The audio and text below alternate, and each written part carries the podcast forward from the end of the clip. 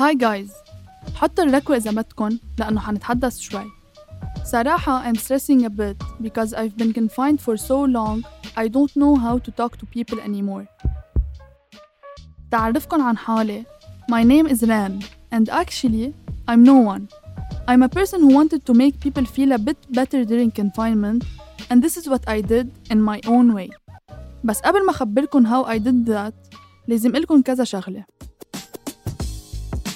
أول شي رح غلبت كتير بالحكي. So guys you need to get used to that. I'm sorry in advance. حأحكي لبناني.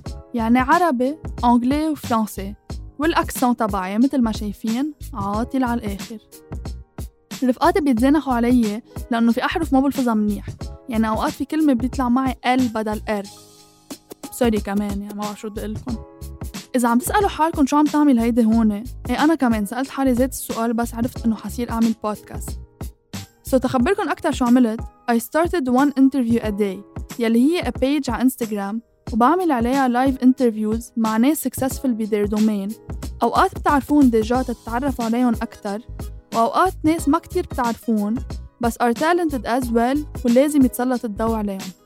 All of this is to make people feel a bit better and spread positive vibes. أنا حصير أعمل ذات الشي بس as a podcast. So Saturday بحط الركوة.